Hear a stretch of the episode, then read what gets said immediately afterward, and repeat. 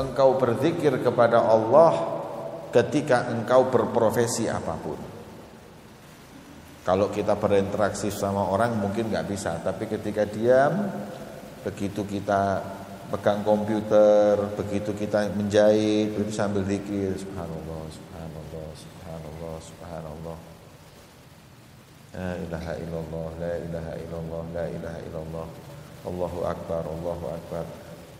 Penuhi isi dengan zikir kepada Allah Subhanahu wa taala.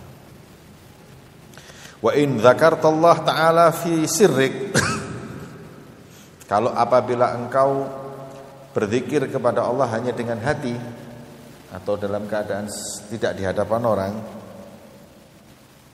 bi'aitsu tusmi' nafsak faqad asabta wa ahsan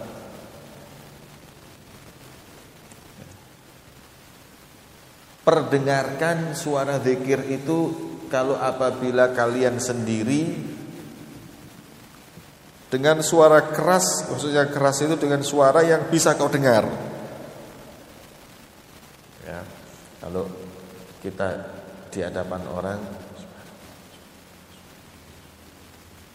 nggak usah kenceng-kenceng, nggak usah suara didengar, tapi pakai suara.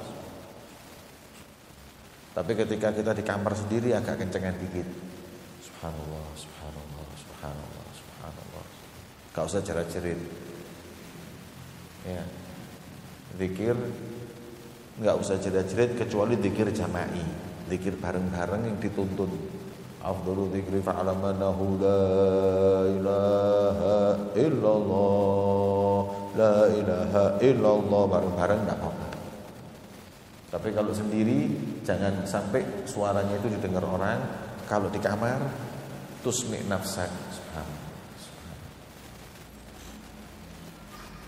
Ya.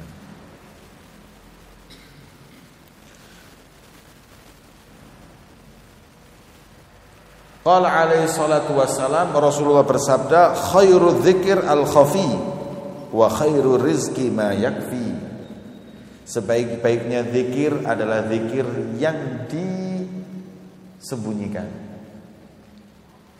Sendiri suaranya kecil, itu sebaik-baiknya zikir. Bareng nggak apa-apa. Lebih bukannya zikir bareng-bareng itu bid'ah? Rasulullah pernah melihat seorang sahabat namanya Ukasha. Dia di masjid zikirnya kenceng. La illallah. La ilaha illallah. Terus kemudian sahabat berkata kepada Rasulullah ya Rasulullah fa innahu murai. Ya Rasulullah iki wong riak. Dikir dibanter-banterno supaya wong krungu. Apa jawaban Rasulullah? La bal innahu awah enggak. Justru dia itu orang yang kembali ke jalan Allah. Karena Rasul tahu ini zikirnya kenceng tapi memang ikhlas karena Allah, bukan untuk didengar orang, bukan untuk dipamerkan di hadapan orang. Ya nggak boleh itu dipamerin orang.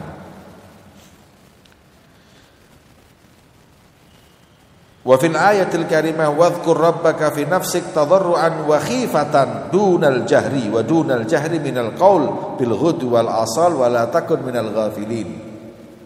Zikirlah kau kepada Allah Subhanahu wa taala yang hanya dengan dirimu saja tadarruan penuh dengan rendah hati dan sembunyi. Jangan kau keraskan suaramu baik itu di waktu malam maupun di malam siang. Jangan kau termasuk golongan orang yang lalai dari Allah lalai dari berzikir kepada Allah. Wa in jaharta bidzikir ma'al ikhlas lillahi fihi falam yutashawwih bidzalika ala musalli wala qari bihaitsu lid alaihi salatahu wa qiraat falabas bil jahar. Kalau zikirmu itu dikerasin subhanallah subhanallah dan lain-lain apabila satu kau zikirnya lillahi taala ikhlas nggak ada untuk dipuji orang satu syaratnya. Yang kedua tidak mengganggu orang yang sholat Jangan Anda zikiran subhanallah subhanallah la ilaha illallah di sini ada orang salat jangan. Ya, jangan ganggu orang salat. Wala qari'il Quran. Kalau Anda bawa tasbih zikiran di sebelahnya ada orang baca Quran, jangan diganggu dengan zikir yang keras. Ya. Hingga sebab itu kau rusak sholatnya dia, kau rusak bacaan Quran dia. Barang siapa yang zikir dengan suara keras tadi, ikhlas dan tidak mengganggu orang sholat, orang membaca Al-Quran, maka labas bil jahri, nggak masalah dikeraskan suara itu.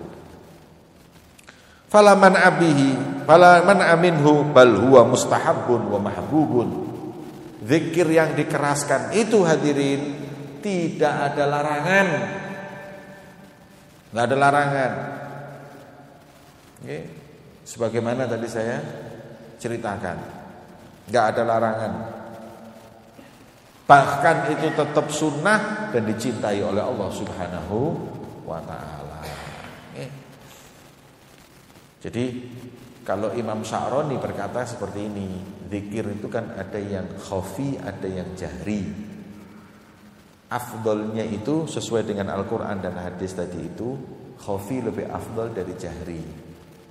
Tapi itu bagi orang yang sir apa itu namanya sudah terbiasa dengan zikir. Tapi bagi orang yang belajar untuk berzikir, pemula para penzikir sebaiknya justru jahri karena dengan jahri dengan suara keras itu lebih mengena buat dia.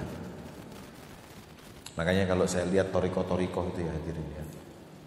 Toriko-toriko itu kayak contohnya sadiliyahnya Kiai Kedinding misalnya Kayak Asrori Kayak Asrori itu kan mursyid toriko itu Itu santri-santrinya kalau dikir La ilaha illallah, la ilaha illallah, la ilaha illallah. Sampai gini-gini ya, la ilaha illallah. Oh, oh kabeh la ilaha illallah.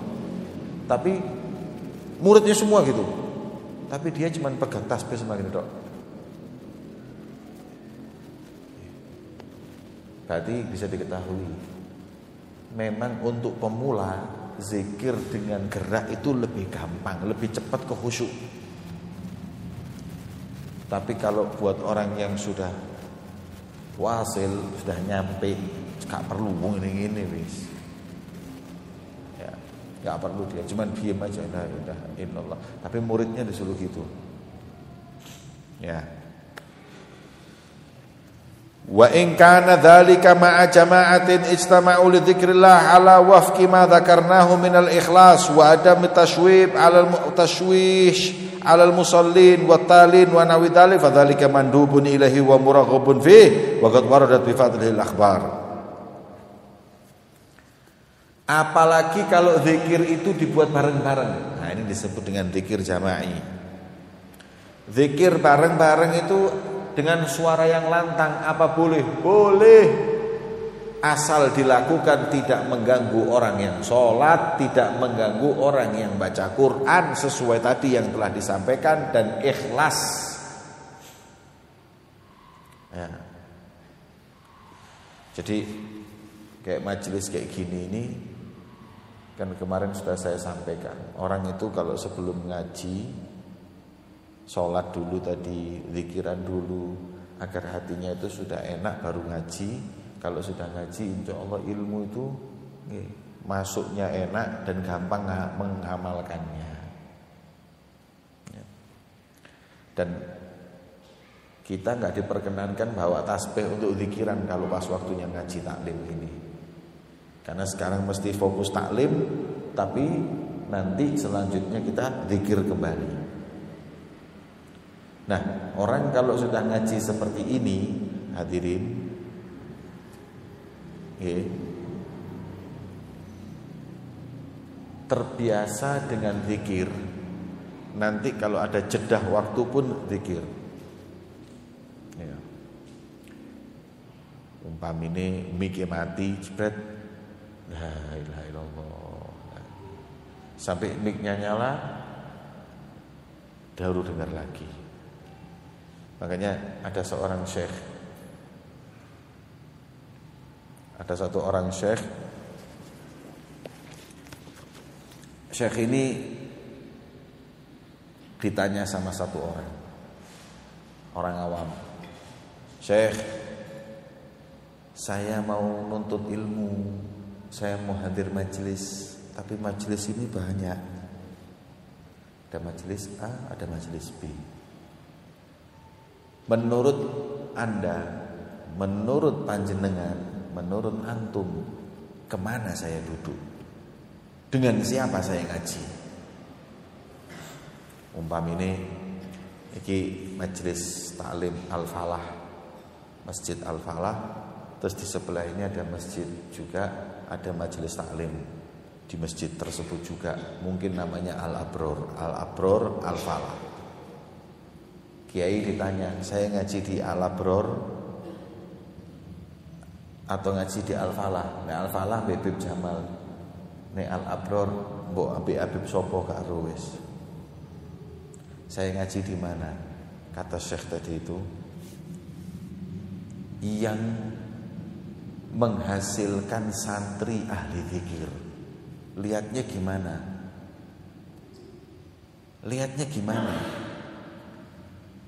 Kata beliau gini loh.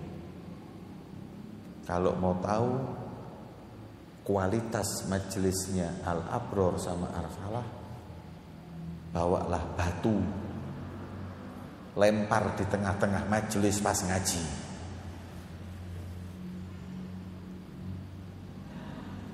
Atau lek kak, oh mercon.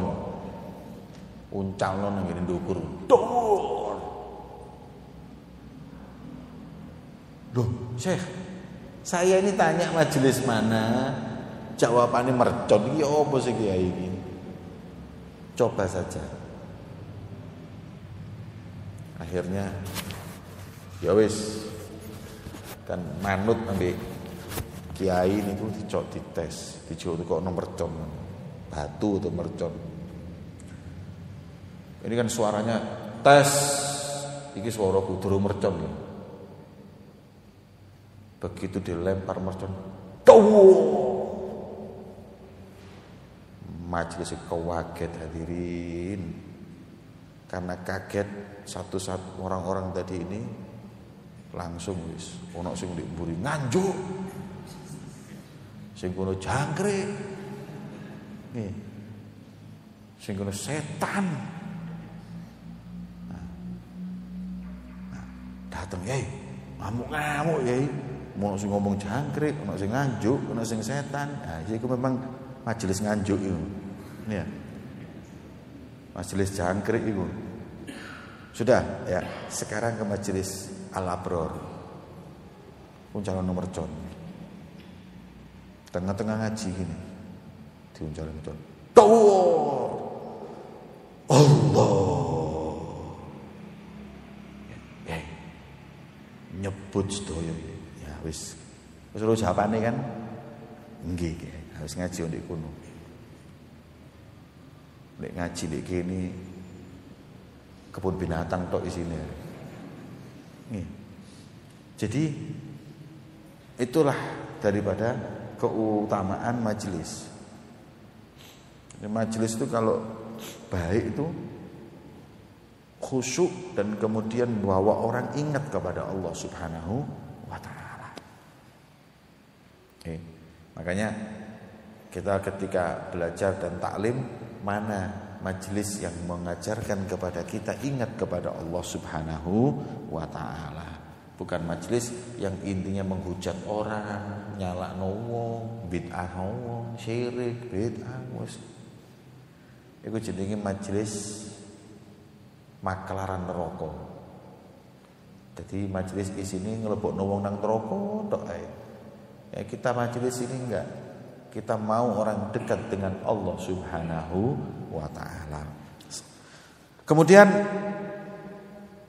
beliau mengingatkan di sini majelis yang kita kumpul zikir kepada Allah itu baik.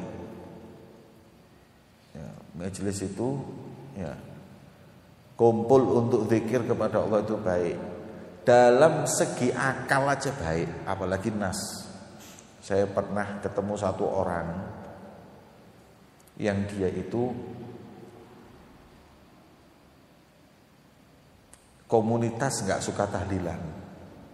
Dia hidup di komunitas yang nggak suka tahlilan. Tapi orang ini dia nggak tahlilan, tapi kalau ada tetangganya yang tahlilan atau ada saudara atau ada temannya tahlilan, dia ikut.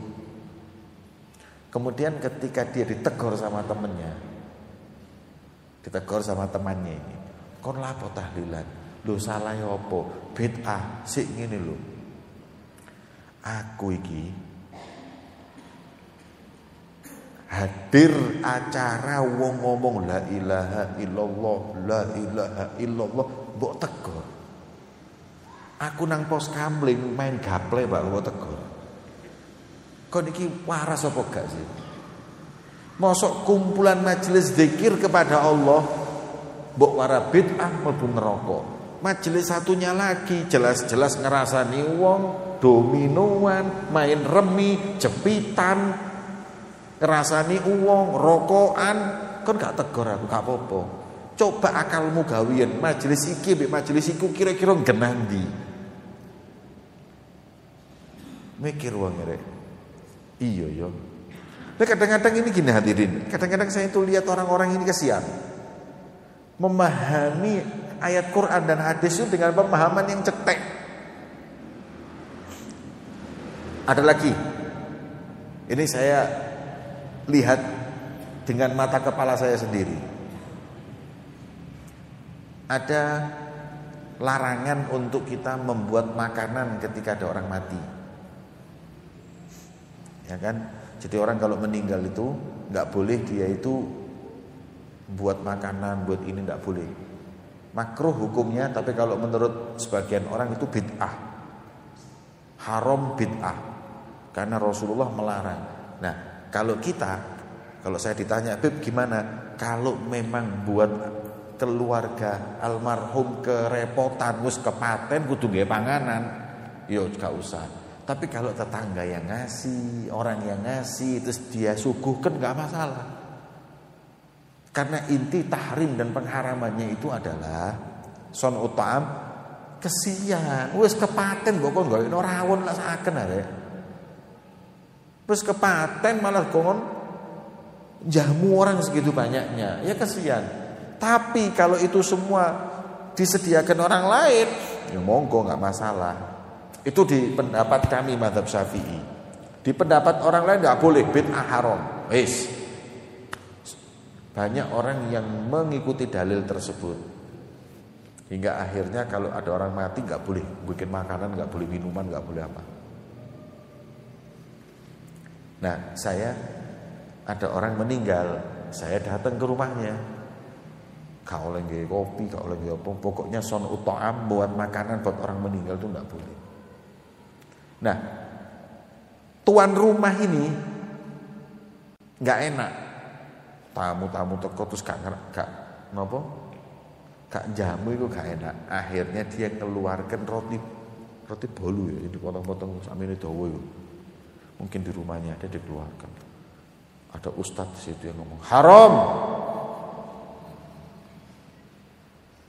Wedi. Tuan rumah ini takut diwara haram. Haram tidak boleh. Langsung dicupuk mana? Dilepuk dulu.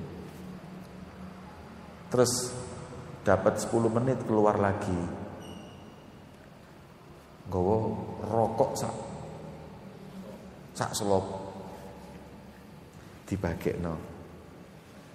Di depan orang yang ngomong haram itu no. Kok gak ngomong haram nih? Saya ada di situ. Wong iki wis gak terima. Terus akhirnya dia ngomong, "Loh, eh, kok gak ngomong haram, Bang?" Loh, kan larangan yang tidak boleh itu membagikan makanan. Ini lah tutup panganan ngene ngene, akalmu gawian. Aku ngeikon panganan enak halal gak penyakit. Tak bagi haram mlebu rokok Tak tarik, tak kei rokok sing haram tulisannya rokok membunuhmu. Tak bagi gak haram. Kok niki agamamu apa sih gak paham aku. Bagi rokok nggak apa-apa, bagi makanan haram. Ini nggak paham saya maksudnya apa ini. Lah dia memahami nas pengharaman mengeluarkan makanan menjamu itu salah. Tapi kita ini punya adat yang sangat-sangat mulia. Kalau ada yang meninggal, tetangga-tetangga bawa beras. Meringankan beban orang yang meninggal tersebut. Nek iso jok beras tok mbek gula, minyak. Nggih. Nek iso ojo sak plastik, akarung. Begitu tamu tekon itu gudang itu full Kemangan rong tahun gak entek. Begitu ate entek ya Rob. Sapa maneh sing mati ya Allah. Gudang dari titik ya Allah. Jadi kalau kita kan seperti itu, ono sing gawa napa iku sak piring, ono sing ditutupi, itu meringankan beban orang yang ditinggal tersebut. Dan terus kalau gitu nanti tetangga sebelah wis kon lungguh istirahat terus yang enak tak no panganan ke tamu-tamu. Monggo. Tapi kalau dia jangan hadirin wis kepaten mbok kon soto lak kejem manggon iki. Jadi jangan seperti itu. Rasulullah bersabda, "Majtama'a qaumun fi baitin min buyutillah." Tidaklah berkumpul sekelompok manusia di rumah Allah Subhanahu wa taala yang mana mereka yadhkurunallah saling sama-sama berzikir kepada Allah yuriduna bidzalik wajhah dan mereka ikhlas berzikir hanya untuk Allah. Tidak ada lain mereka mendapat ampunan dari Allah dan badbud bila sayiatuhum hasanah au badala sayiatihim hasanah. Masya Allah Barang siapa yang berkumpul di majlis Zikir kepada Allah Maka mereka semuanya diampuni dosanya oleh Allah. Terus keburukannya oleh Allah dirubah menjadi kebaikan. Alhamdulillah. Ya, Kalau diampuni dosa ya Alhamdulillah. Tapi yang lebih kita harapkan Budilat sayyatuhu hasanah Dosa-dosa kita yang setumpuk dirubah jadi satu kebaikan setumpuk. Gimana hadirin? Ini keutamaan kita hadir majelis zikir. Dalam riwayat yang lain, maqa'ada qaumun Allah taala.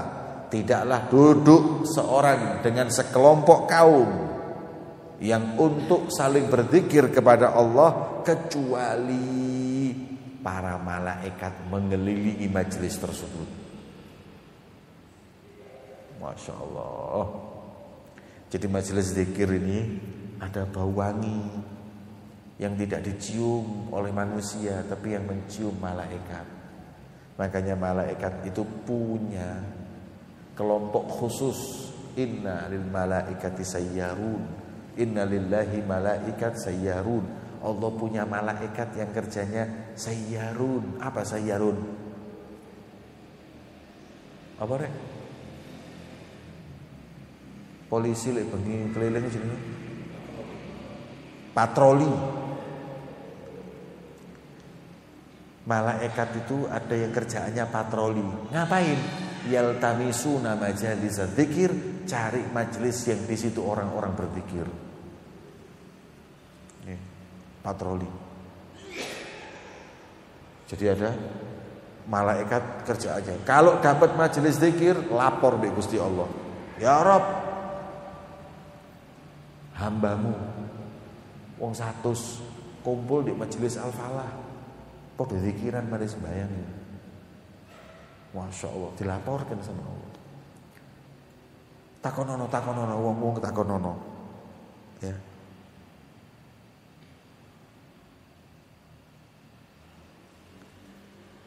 Lapo pikiran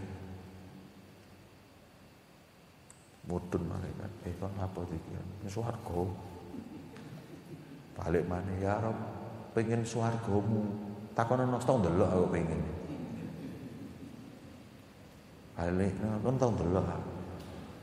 Gak tahu tapi aku daripada mlebu neraka balik. Ya Rob. Mereka nggak pernah lihat tapi daripada masuk neraka ya Rob. Lalu apa wedi neraka? Tau ndelok neraka pisanan. Takon kan tau ndelok neraka.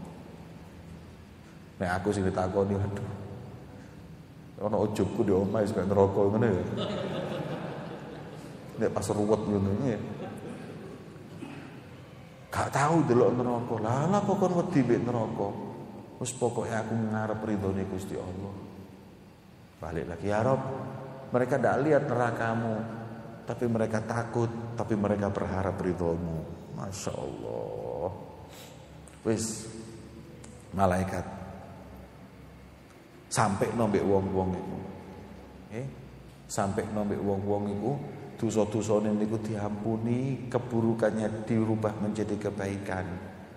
Dan ini orang-orang tersebut aku jadikan penghuni surga. Malaikat instruksi. Ya sik sik kuwi. Kak kabeh iku dikiran lho. Yang hadir ini tidak semuanya ngaji.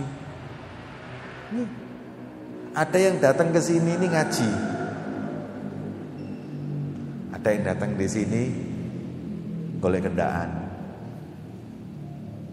Nih, majelis alfa kok den nayamu nayamu lu ngaji. Nih, yang saya sama masih ingat majelis Aridwan itu dulu waktu saya tidak bolehkan perempuan, perempuan dilarang hadir. Nggih. Iku sing teko paling wong sewu, sewu. Begitu perempuan saya suruh hadir. Wedok teko 500, sing lanang dadi 2000. Nih. Nemen lho arek-arek iki. Kok tambah akeh, enggak tahu pe tambah banyak gara-gara nek kode lho. Ngono kok semangat ngaji ini. Nih. Nah itu kan mereka berarti tidak niat datang karena karena ngaji. Karena kau denayamul iku mau. Ono sing majelis kayak gini iki, aku ro niate duduk ngaji. Apa? Biasanya akhir bulan itu ono kotakan deh kono. Hei, napa niku jajan? Jumat legi. Iki Jumat apa saiki? Legi nggih. Mangkane kok rame. Mangkane iki aku ro. Aku mau kalau emang mulai penasaran iki kan, Kok dongaren nek rame majelis iki rek. Nggih. Mesti di kono ono kotakane. Lah iki lak ono sing teko gara-gara kotakan wis aja aja goro kon. Tapi katanya Allah, iki malaikat iki interupsi, ya Rob, gak kabeh teng ngaji kono sing gara-gara kotakan iki. Iku lho teko catering Pak Jito iku lho kok kono iku. Jadi gak kabeh diampuni Gusti. Oh niate gak teko iku niate mangan kok. Tapi katanya Allah Ta'ala Eh malaikat Nggih Humul qaum la yashqa bihim jalisuhum Kabeh ampun ono masih teko gawe gendaan golek golek ujub sing teko tenage utang sing teko ati golek kotaan kabeh sing kumpul ndek kono ambek wong zikiran ampuni semua dosanya Alhamdulillah wis gak apa-apa saiki. Teko gara-gara kotaan gak apa-apa wis. Yeah. hafathumul malaikah. Keliling lho rek. Majelis iki malaikat tok lho keliling. Saking gak ketok kita ini nggak nggak kelihatan. Malaikat yang keliling di sini nggak kelihatan. Kepin ketok kok entah nono ajalmu teko la Israil bareng ngoten. Nggih jadi malaikat itu keliling di sini masya Allah seakan-akan malaikat itu ya tasyarrafun mendapat satu kemuliaan hadir di majelis seperti ini Bayang no hadirin. Makanya saya ini kadang-kadang kalau ada orang diundang duduk no undang ini. Aku diundang. Undang apa? Anak wali kota rabi. Anak malaikat teko anak gue. Kon diundang begini ini kok bangga. Apa majelis yang Anda diundang itu kelebihannya apa? Ada malaikat kumpul? Enggak ada. Anda tak bilang ya, saya tiap malam atau setiap hari Jumat diundang majelis Al-Falah. Di mana yang hadir bukan manusia biasa, malaikat keliling kumpul di majelis tersebut. Iki. Kon Raja Salman datang numpak pesawat sampai Jakarta karpet merah. Wah, tuh ribut Indonesia ribut kabeh. Karpet merah gara-gara Raja Salman tekoi. Berapa meter karpetnya? Tekok pesawat mudun paling 100 meter. Uh, kurang beb, gak mungkin. Gak kuat melaku ya Salman itu. Mau ke 200 meter ya delosor. Paling 100 meter langsung montor. Gak sampai paling 50 meter langsung montor. Dia sudah tua 80 lebih umurnya. Rapet merah. Buat sopo kedatangan raja, kontak kandani. Kata Rasulullah, tidaklah seorang pergi dari rumahnya menuntut ilmu ke suatu tempat kecuali malaikat membentangkan sayapnya ridhon lahu untuk menunjukkan kerelaannya, kebahagiaannya atas orang yang keluar dari rumahnya menuju masjid nuntut ilmu tersebut, bukan karpet merah, sayapnya malaikat. Bahkan ketika mereka duduk di masjid, masih masjid gak ono apa nih? Karpete ono sayap malaikat. Makanya ada satu syekh atau guru itu gudo santri nih. Jadi syekh ini pura-pura keramat-keramatan. Itu namanya syatohat indah ahli tasawuf. Pas dia ngajar santrinya,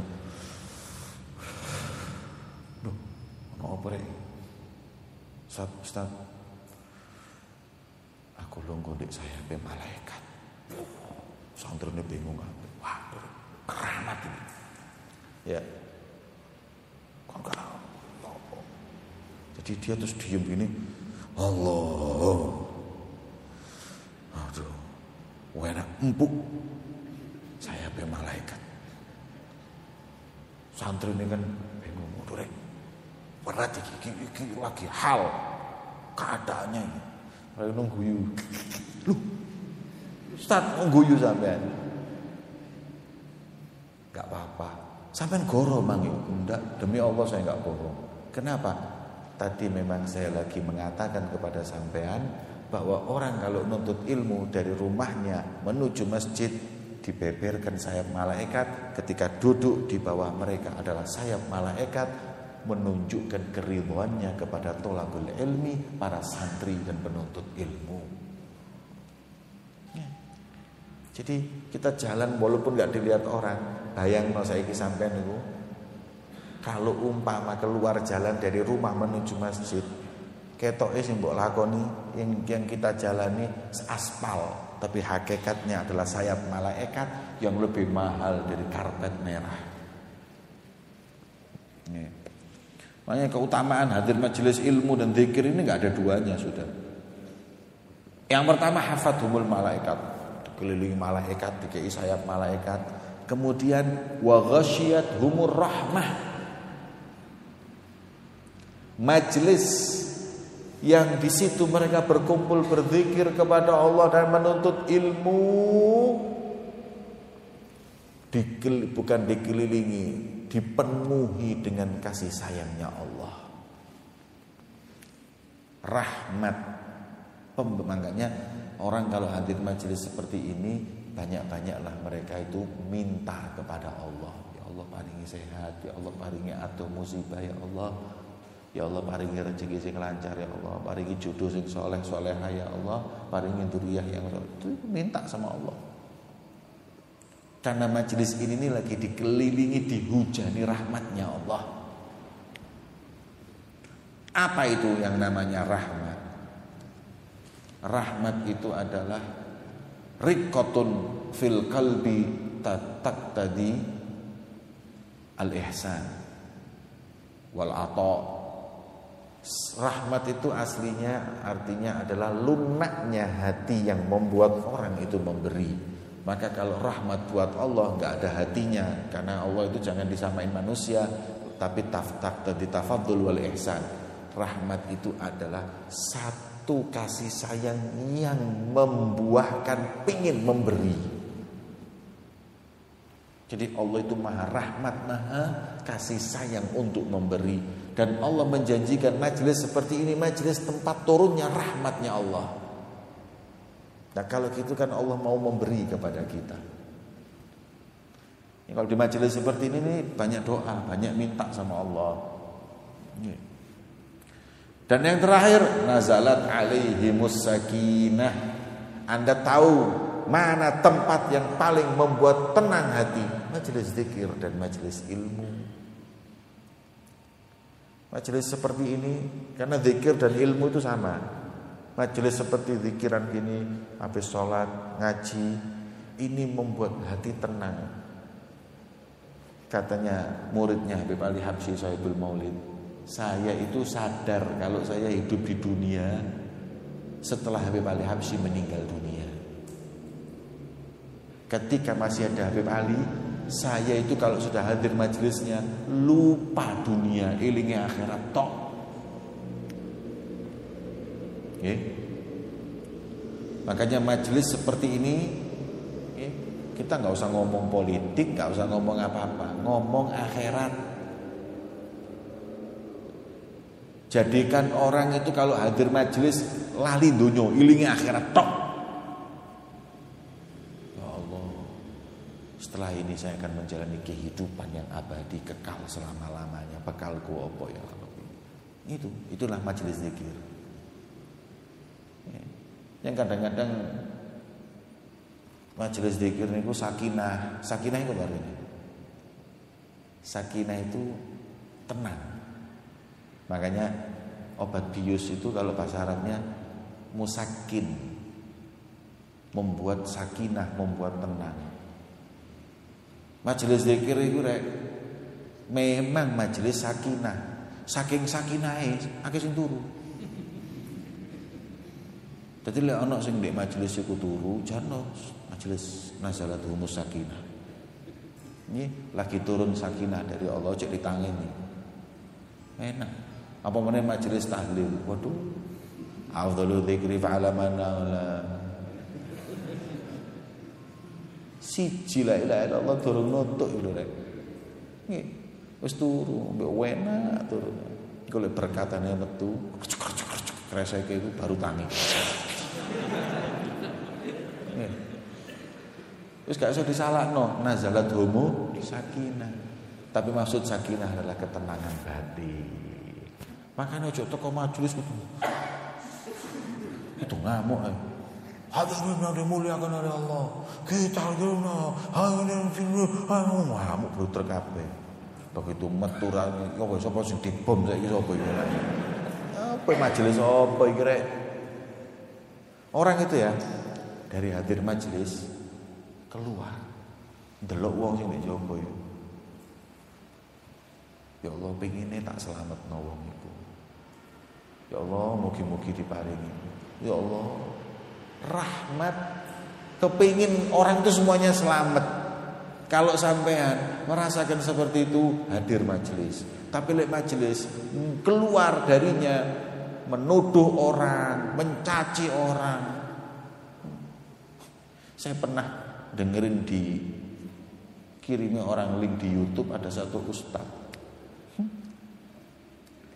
Aku heran ustad kayak ngono kok ono sing hadir majelis iki apa dia bilang yang hadir majelis kami, majelis sunnah.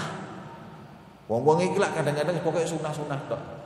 Sampai dodoran roti lo roti sunnah. Ono kan bakery sunnah.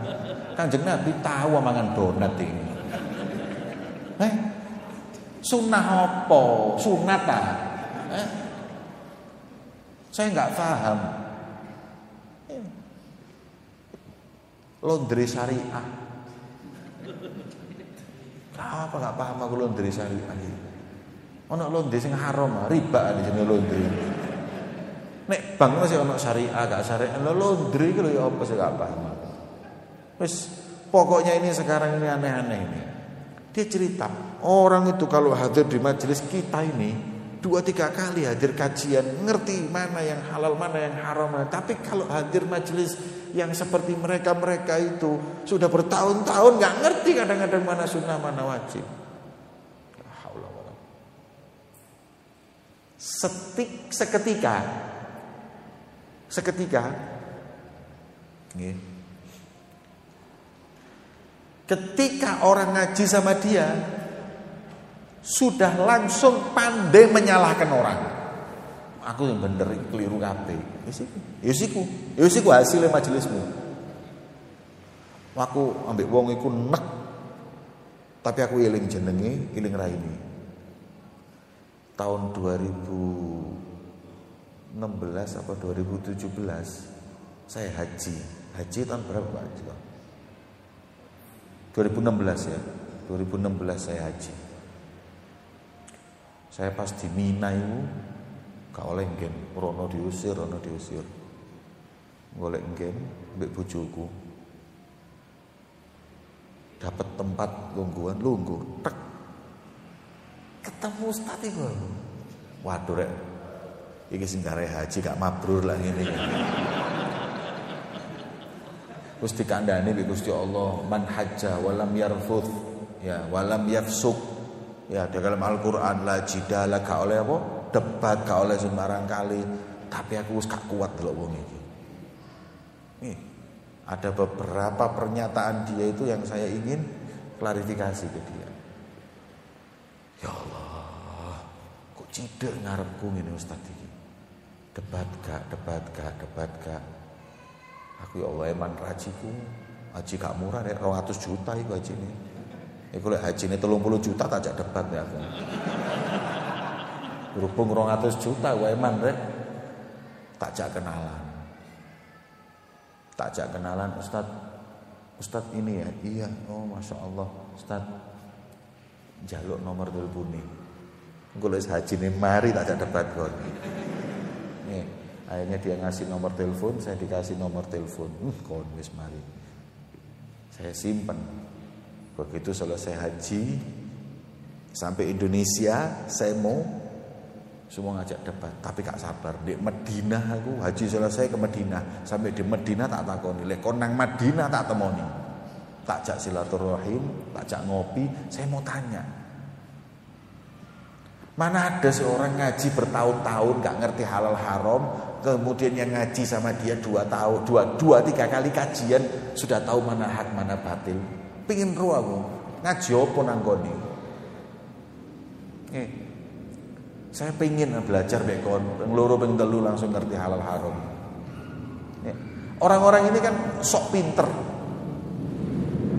Yang saya nggak suka itu hadirin, mereka itu orang-orang yang membuat orang yang hadir itu nggak inget sama Allah, nggak tawaduk malah sombong dan merasa paling pinter, paling benar. Penyakit itu. Ya. Saya kadang-kadang kalau memang di majelis jawab mereka sedikit-sedikit ya agar kita itu semakin yakin kebenaran. Ya. Pernah saya itu ditemoni mbek wong-wong itu Kan tak ajari. Titik-titik eh, jawab wong-wong iku sing gak usah jawab sing abot-abot sing enteng-enteng. Masalah hukum tawasul dengan Rasulullah atau dengan para wali yang sudah meninggal. Jadi kan kadang-kadang sampean ditakoni, Mas sampean anu ya, ziarah wali songo ya, tur wali songo nggih. Terus sampean jaluk wong kuburan niku. Aku gak jaluk, aku jaluk nang Gusti Allah.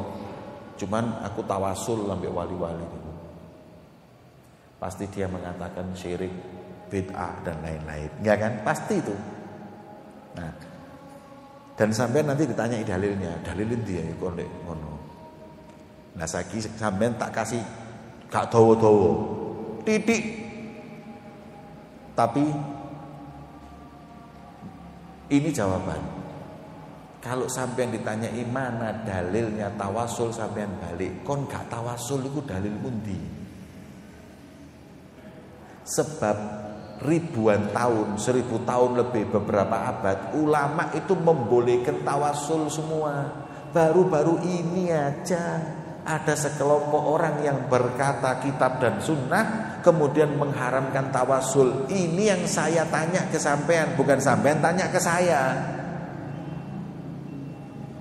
Ana wong takon lek sampean kon kunut dalil mundi? Jawaban kon gak kunut iku dalil mundi. Imam Syafi'i iku sudah seribu tahun dan umatnya kunut. Terus sampean iki teko-teko ngomong kunut bid'ah, tak takoni kon gak kunut iku dalil mundi. Lah ini aneh, ada orang datang tanya dalil yang sudah dibawa oleh ribuan tahun. Ono wong datangi saya gara-gara saya bikin maulid di pondok. Ditanya gini saya, Habib maulid dalilnya mana? Lah sampai enggak maulid ya? Enggak. Saya tanya, sampai enggak maulid dalilnya mana? Bid'ah dari mana? Bid'ah enggak ada di zaman Nabi, enggak ada di zamannya sahabat, enggak ada di zamannya tabi'in. Adanya mulai dari zaman Mudhafar. Saya tanya, zaman Mudhafar itu kapan? 200 tahun setelah Nabi meninggal. Sekarang berapa tahun Nabi meninggal? 1400 tahun. Berarti maulid adanya sudah mulai kapan? 1200 tahun Beb. Tapi di zaman Nabi nggak ada. Adanya 200 tahun setelah Nabi. Kemudian sampai sekarang 1200 tahun. Saya kira aku petako. Dari 1200 tahun sebutkan satu ulama yang melarang maulid. Kau Terus kontok-kontok ngelarang maulid. Sewu tahun maulid itu dilakoni gak dilarang. Terus Anda datang-datang melarang maulid. Kau niki ngaji besok apa? Hei,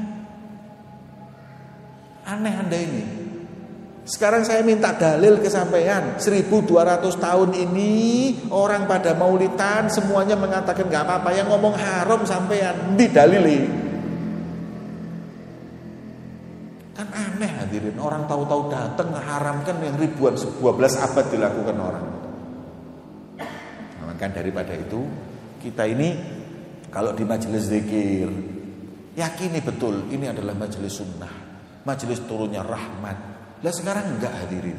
Durung ngopo di orang majelis bid'ah, majelis syirik, majelis sembarang kali kan wedi kok. Enggak ada hadirin. Sampai kumpul di majelis zikiran baik kata Imam Haddad tadi mahbubun wa muraghabun. Rasulullah dalilnya tadi mana ini loh. Tidak kumpul seorang dalam majelis kecuali turun rahmat dari Allah dikeliling malaikat, kemudian turun sakinah plus paling utama satu-satu nama yang hadir disebut oleh Allah Subhanahu wa taala. Masya Allah, ini keutamaan majelis zikir, majelis ilmu yang kita hadiri. Ini yang penting kita tahu dalil ini adalah yang benar, nggak mungkin salah. Terus nggak mungkin, nggak masuk akal. Wong kumpul dikiran melbu rokok nggak mungkin.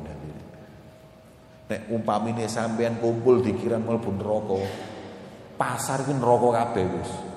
Wong pasar iki kumpul ngerasani wong masuk kalau melbu rokok. Eh, wong mudhe pasar ngerasani wong, yo jelas haram itu aja belum tentu masuk neraka. Lah yang di masjid kumpul dikiran mlebu neraka. Ini logika nggak masuk akal. Okay?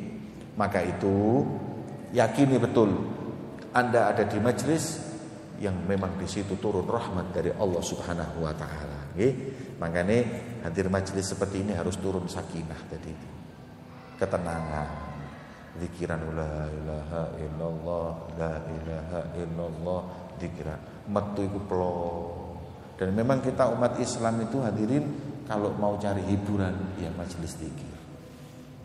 Hiburan kita itu majelis zikir. Bukan televisi, bukan bioskop, bukan kafe, bukan apa, tapi majelis zikir itu orang mukmin. Alladzina amanu tatma'innu qulubuhum bidzikrillah. Ala bidzikrillah tatma'innul qulub. Hanya dengan zikir kepada Allah hati niki ayam tentrem.